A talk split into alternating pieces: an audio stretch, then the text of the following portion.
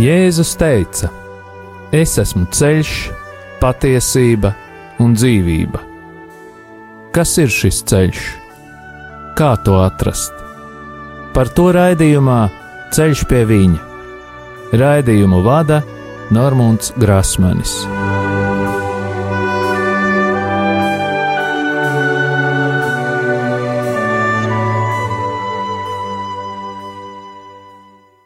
Lai ir slavēts Jēzus Kristus. Atkal ir piekdiena, un radio Marija ēterā izskan raidījums Ceļš pie viņa.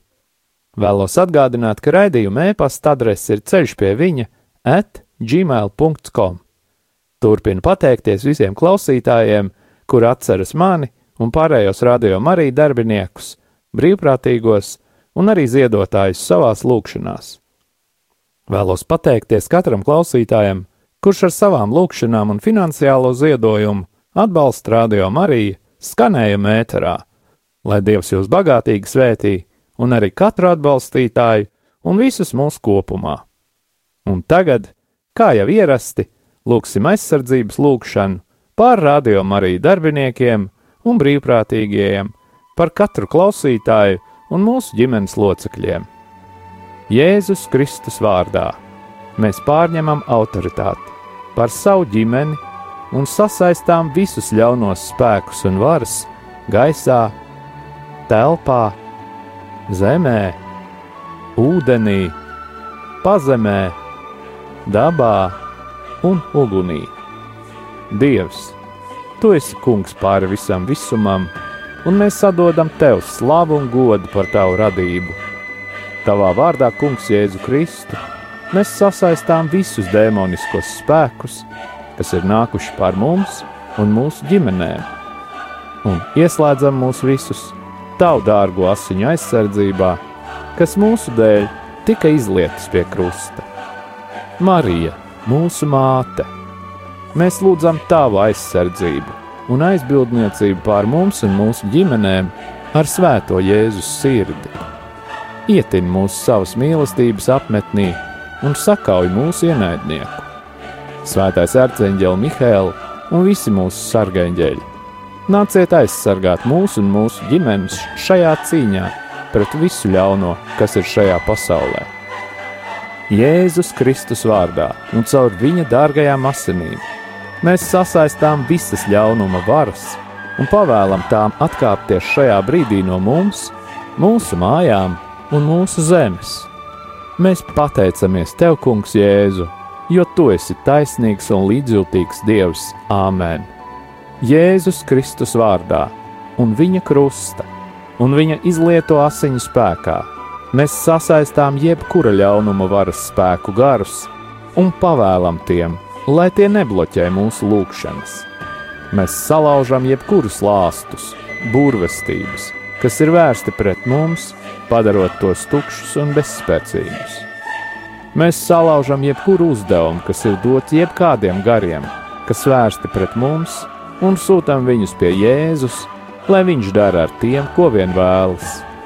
Kungs, mēs lūdzam, lai tu svētī mūsu ienaidniekus, sūtot savu svēto garu pār tiem, lai vadītu viņus uz grēku nožēlu un atgriešanos. Mēs pārcērtam jebkādas saites un saziņu ļauno garu pasaulē, kas ietekmē mūsu un mūsu lūgšanu. Mēs lūdzam Jēzus izlieto asiņu aizsardzību pār mums un mūsu ģimenēm. Paldies, Tev, Kungs, par Tavu aizsardzību un sūti pār mums savus eņģeļus, jo īpaši svēto ērceņģeli Mihēlu, lai viņš mums palīdz šajā cīņā. Mēs lūdzam Tevi, vadi mūsu, mūsu lūgšanās, un izlaies pār mums ar savu svēto garu, tā spēku un žēlsirdību. Āmen! Šī vakara tēma - šāmanisms. Tas ir viens no etnomedicīnas paveidiem. 2005. gada oktobrī Minhenē notika kāda starptautiska etnoterapijas konference. Tur bija arī vairāk šāmaņi un vairāk nekā desmit lektori, kas lasīja lekcijas par šāmanismu. Vadītajos semināros un darba grupās tika apskatītas visdažādākās terapijas, sākot ar ekstāzes dejām un beidzot ar dažādām dziedināšanas un profilakses metodēm. Dažas no semināra tēmām bija saistītas ar mājiņticību, dažas ar spiritismu, bet īpašu uzmanību sev piesaistīja šāmanismu pārstāvji. Lai gan pirms vairākiem gadiem šāmanisms tika pilnībā noraidīts, šodien atsevišķi psihoterapeiti to cenšas praktizēt un pat ieteikt. Šāmaņi ir bijuši un darbojušies daudzās tautās, un jau no senseniem laikiem galvenais šāmaņu uzdevums vienmēr ir bijis būt vidutājiem starp redzamo, taustāmo pasauli un garu pasauli. Viņi izmantoja dažādas metodes, lai ievestu sevi transā, kā viena no ir bungu vai džambas ritmi, ar kuru palīdzību šāmanis atstādams savu ķermeni, iesāktu ceļojumu pa viņu pasauli. Dažās šāmanismu tradīcijās bija pieņemts, ka šāmanis savā ķermenī atstāja sev piederošu dzīvnieku, par ko simbolizēja ieģērbšanās ādās un dažādas maskas. Tā tika mēģināts iegūt aizsardzību pret to, ka viņa pasaulē ar šāmaņu garu varētu kaut kas notikt neparedzams. Ekstāzes tehnikas ir tik ļoti cieši saistītas ar šāmanismu, ka tās tiek uzskatītas par šāmanisma neatņemamām sastāvdaļām. Vārds šāmane radies no evenku vārda. Evenkieši, vai savādāk saukti tungusi, ir briežu mednieku tauta, kas pieder tungusu manģūru valodu grupai. Tā ir izplatījusies lielākajā daļā no austrumu un centrālās Sibīrijas. Šīs tautas reliģiskajā dzīvē šamanismam bija iedalīta liela loma. Citas tautu grupas, kā piemēram eskimosi, dažādas indiāņu ciltis un turku valodā runājošās etnogrupas, šamanismam ir devušas citu nosaukumu. Šāmaņu galvenais uzdevums bija vienmēr iejaukties savas cilts lietās, tajos gadījumos, kad viņiem šķita, ka transcendentālo spēku darbības rezultātā tika traucēts visas cilts, vai viena tās pārstāve ritmiskais dzīves ritvējums, vai arī lai novērstu draudošas briesmas. Visas ar dvēseli vai cilvēku likteni saistītās šajā pasaulē, vai viņa pasaulē, lietas bija šāmaņu darbības sfēra. Tika uzskatīts, ka tikai šāmaņi ir tie, kas spēj doties uz viņu pasauli un atkal atgriezties atpakaļ. Tāpēc viņu uzdevums bija arī pienest upurdāvanas, virszemes un pazemes dieviem. Šāmanis bija tas, kurš pavadīja mirušos uz viņu pasauli, vai arī slimības gadījumos atgriez dvēseli atpakaļ ķermenī. Senie šāmaņi zināja par augšzemes, pazemes un virszemes pasaules esamību, un šo pasaules skaidrojums bija apmēram šāds: Virszemes pasaule ir vieta, kur dzīvo cilvēki. Tā kā šāmanisms attīstījās briežu mednieku kultūrās, tad nav brīnums, ka šāmaņi tika uzskatīti ne tikai par cilvēku dvēseļu sargiem, bet arī par dzīvnieku dvēseļu sargiem. Tas bija iemesls tam, ka liela loma šāmaņu dzīvē bija arī dzīvniekiem. Tā kā pastāvēja dzīvnieku upurēšana, kurā upuru gaļa tika pienesta viņa pasaules dieviem, tad ziemeļbrieža asinis, piemēram, daudzos gadījumos tika izmantotas, lai pievilinātu dēmonus un tad tos izdzītu no cilvēka ķermeņa daļas, kurā bija slimība. Pēc tam šāmanis laizīja šīs asins, pēc kā izspļāva izdobtā elku dieva traukā, kur tas tika ieslēgts, lai vairs nekad neatgrieztos konkrētā cilvēka ķermenī. Dažās tautās šim nolūkam tika izmantotas zosis, lai no slimā cilvēka iekšām izdzītu slimības cēloni. Var secināt, ka dziedināšanas procesa laikā praktiskam nolūkam tika izmantoti arī dzīvnieki. Katrai dzīvnieku sugai tiek piedāvāts kāds dzīvnieku karalis, kas tiek saprasts kā dzīvnieka gars. Tālāk runāšu par šiem dzīvnieku gariem. Šāmaņa aicinājums ietver spēku saņemšanu pēctecības veidā, vai arī pēc spontāna aicinājuma, un tajā ir ietverts iniciācijas rituāls, caur kuru šāmanis simboliski nomirst un pēc tam atkal atdzimst. Dažās tautās pieņemts, ka šajā rituāla laikā šāmanis satiek savu dzīvnieku, kas nākotnē viņu pavada un atbalsta. Šis sevišķais dzīvnieks bieži tiek saukts kā dzīvnieks māte. Šie īpašie dzīvnieki ir šāmaņi gari, kas palīdz sameklēt mirušo dvēseles no viņa pasaules. Dažās tautās ir priekšstats, ka katram cilvēkam ir piederīgs savs dzīvnieks, kas dod spēku, un, ja tas nav klātesošs, cilvēks varot tikt pakļauts slimībai.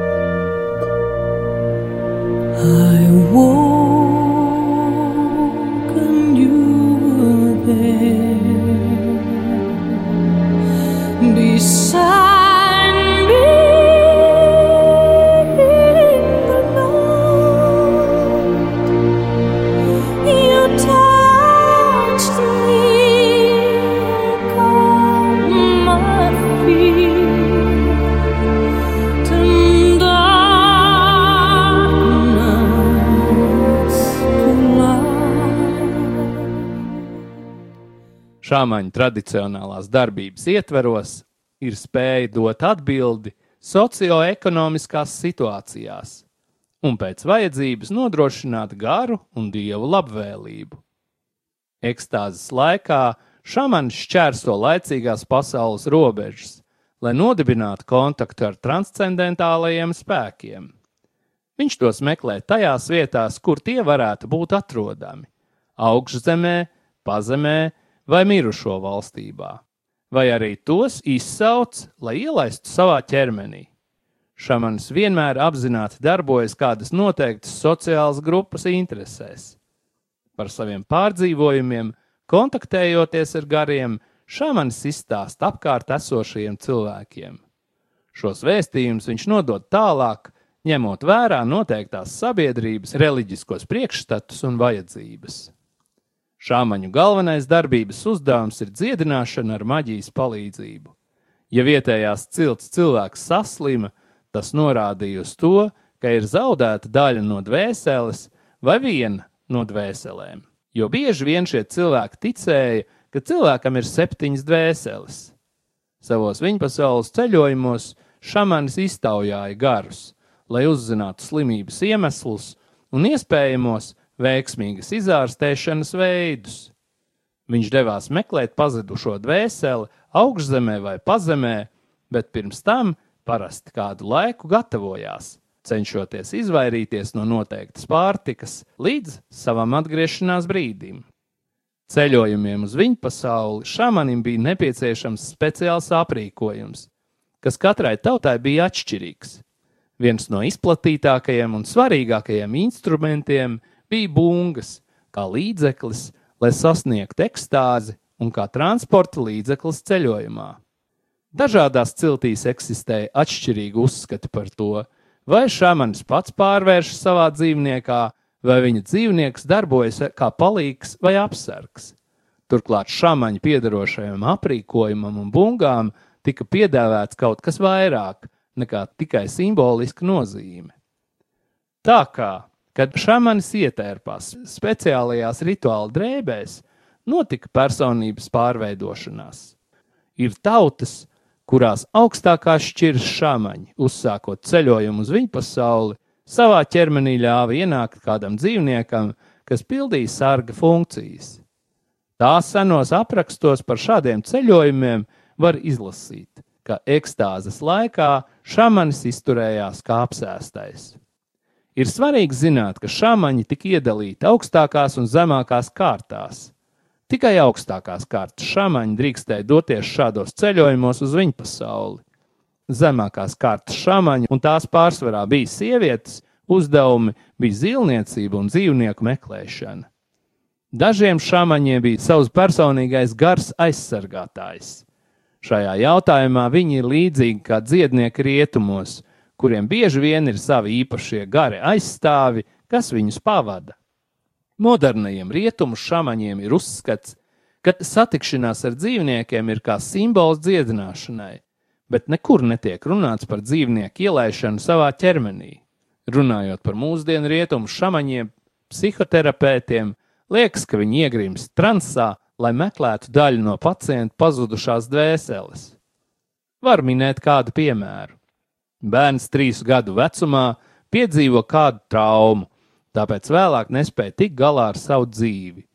Psihoterapeits dodas meklēt bērnu pazaudētās dvēseles daļu, un tā viņš saucas par dvēseli ķērāju. Kad viņš atver šo dvēseli atpakaļ, un pacients to pieņem, tad ievainotais tiek dziedināts.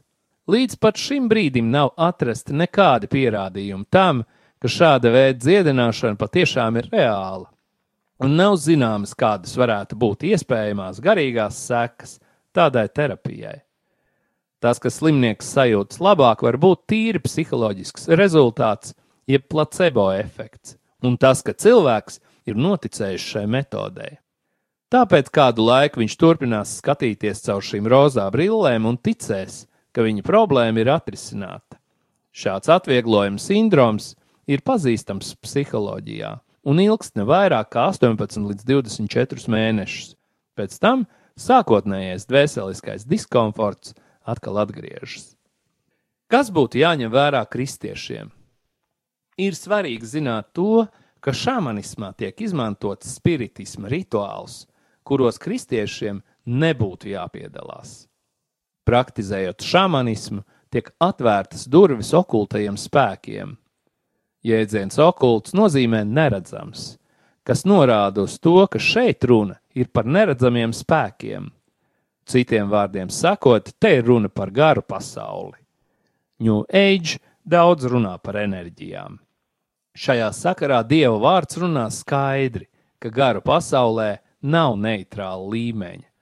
Tas nozīmē, ka garīgās būtnes pieder vai nu dievam, vai viņa pretiniekam, To atpazīt var tikai caur Kristus krusta zīmi. Spiritismu piekritēji un arī ņūēģa atbalstītāji runā par labajiem un ļaunajiem gariem, taču viņiem nav izpratnes par izšķirošo faktoru, ar kura palīdzību atšķirt ļaunos no labajiem gariem, un tas ir Jēzus Kristus krusts. Tieši viņš atšķīra un turpina atšķirt labos un ļaunos garus, Tāpēc atbrīvot no ļaunajiem gariem var tikai Jēzus Kristus un viņa vārdā. Ņemot vērā kristīgo uzskatu, cilvēks nevar zaudēt vienu savas dvēseles daļu. Var gadīties tā, ka kādu ievainojumu vai traumu rezultātā zemapziņā var palikt kādi emocionāli pārdzīvojumi, taču iekšējās dziedināšanas laikā caur lūkšanu svētais gars mums var atsaukt atmiņā vai reāli apzināties tos notikumus, kas nepieciešami mūsu dziedināšanai. Svarīgi cilvēkam, kurš ir ievainots, palīdzēt caur lūgšanu, piedot un lūgt piedošanu. Savukārt katoļi var pieņemt grēksūdzes sakramentu. Šo aktu simboliski varētu nosaukt par kādas dvēseles daļas atgriešanos. Dvēseles ciešanu saknes cilvēks pats sev nespēja dziedināt, Tas var notikt tikai Dieva spēkā, caur viņa dēlu, Jēzu Kristu.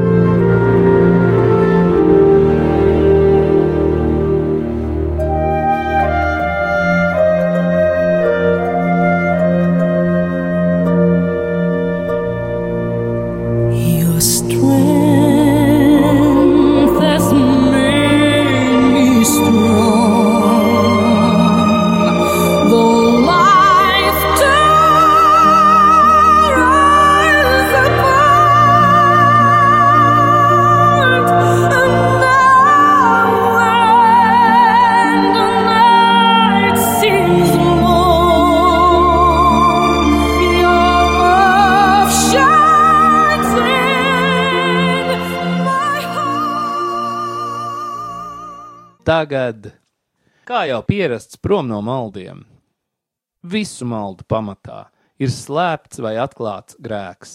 Tādēļ ir svarīgi par to runāt. Šovakar turpināsim iedziļināties Tomislavī Vančiča pārdomās par grēku viņa grāmatā Ceļš pie dzīvā dieva. Un tā īpaši traģiski ir tas, ka pirmgrēks cilvēku nošķīra no dieva. Cilvēks vairs nespēja paciest dieva klātbūtni. Cilvēks vairs nevar redzēt dievu, ja nav nomiris, saka Bībele. Vaina un neticība liek cilvēkam bēgt no dieva. Un kungs dievs sauca cilvēkam un teica: Kur tu esi? Un tas teica: Es dzirdēju dārzā tavu balsi un nobijos, jo esmu kails un es paslēpos. Tā tad nevis dievs ir paslēpies, bet gan cilvēks slapstās no dieva. Tāpēc nevis dievam vajag sevi parādīt, lai mēs viņu varētu iepazīt, bet mums pašiem jānāk ārā no saviem slēpņiem un jānostājas Dievu priekšā. Taču to mēs paši nespējam. Tāpēc Dievs nāk pie mums mūsu slēptuvēs un grēkos. Viņš pieņem grēcīgā cilvēka veidolu un parādās mums, lai mēs atkal būtu pie viņa. Cilvēki noslēdzas ne tikai pret Dievu, bet arī pret citiem cilvēkiem. Kad atklājas viņu kailums, viņi bēg cits no cita, lai atkal paslēptos aiz savām maskām un krāšļiem. Taču ne jau tikai tas, viņi ienīst cits citu, viņi ir ienaidnieki. Ādams apsūdz dievu, ieva čūsku. Vai tu ēdi no tā koka, par ko es tev pavēlēju? Nē, no tā. Un cilvēks teica: Tā sieva, ko tu man devi, viņa man deva no tā koka un es ēdu. Ādams ir pilns pārmetumu pret dievu, tāpēc, ka dievs viņam devis tādu sievu, un pret sievu, tāpēc, ka viņa tam sniegus augli no aizliegtā koka. Viņš dzīvo naidā pret dievu un pret sievu. Cilvēks mēģina taisnoties, apsūdzot citus, vēl aizvien arī tagad. Viņam būtu vajadzējis tikai atzīties paša pārkāpumos, un viss būtu kārtībā. Vajadzētu tikai apsūdzēt sevi pašu un citus attaisnot, tad grēks sirdī būtu pārvarēts. Čūska ievu piemānīja. Kopš tā brīža cilvēki nemitīgi ļaujas, ka viņus piemāna un pavedina. Turēties pretī pavedinātājam mēs varam vienīgi tā, ka sākam cit, citiem piedot un ieklausīties Dieva vārdā. Ja gribam atrisināt cilvēku savstarpējās problēmas ar meliem, naidu un ieročiem, tas ir naivums un maldu ceļš. Taču cilvēki citādi nespēja. Grēks ir ieņēmis cilvēka centru un sašķeļ viņu.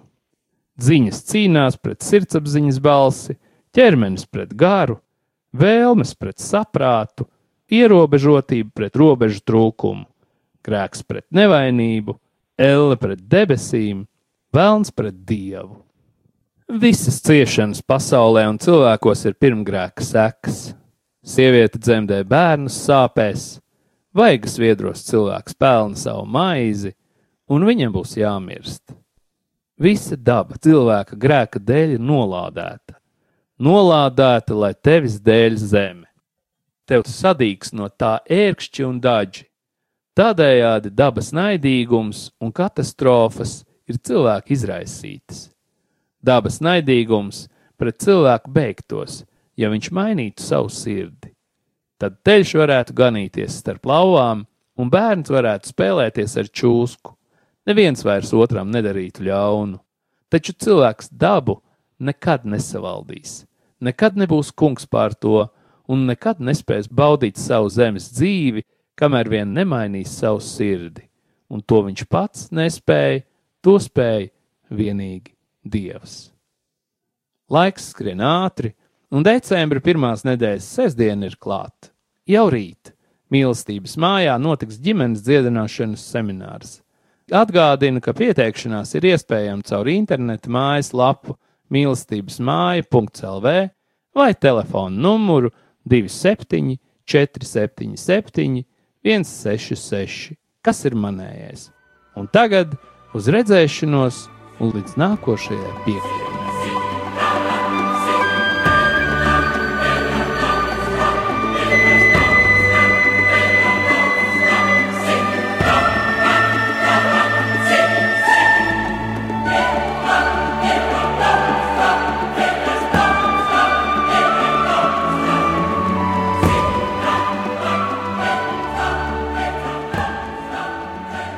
Un tagad mēs iestājamies lūgšanā pret sātanu sistēmu un tās darbībām mūsu ģimenēs. Jo mums katram ir dota autoritāte lūgt šīs lūgšanas mūsu ģimenes sistēmas vārdā. Kungs Jēzu Kristu, dzīvā Dieva dēls!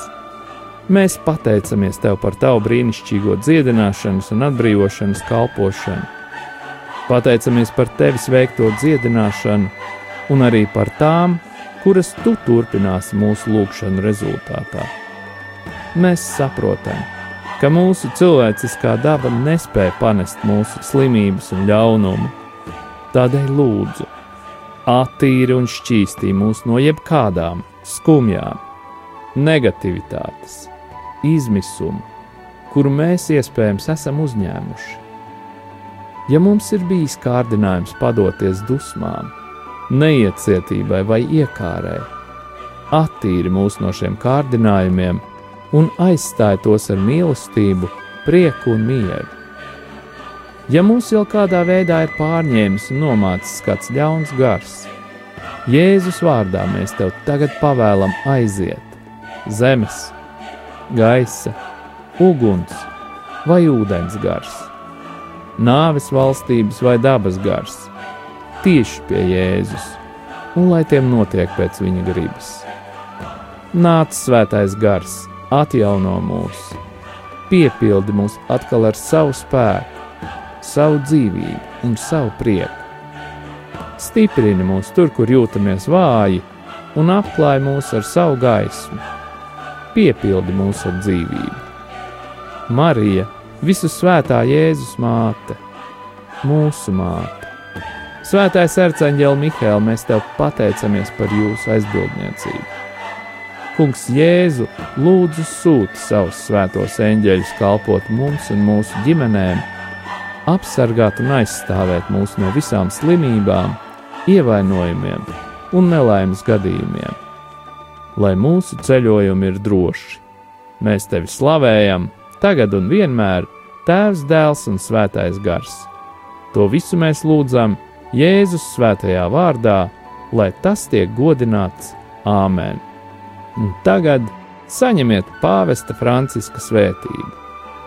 Kungs Jēzus Kristus, lai ir pār mums, lai mūs svētītu, lai ir pie mums, lai mūs pavadītu un lai ir ar jums un mums, lai mūs aizsargātu, lai mūs svētītu Dievs Tēvs un Dēls un Svētais Gars, lai asins un ūdens, kas izplūda no Jēzus Kristus sirds, izplūst pār mums un lai šķīstī, atbrīvo un dziedina. Saņemiet svēto garu, Dieva Tēva un Dēla un Svētā gara vārdā Āmen!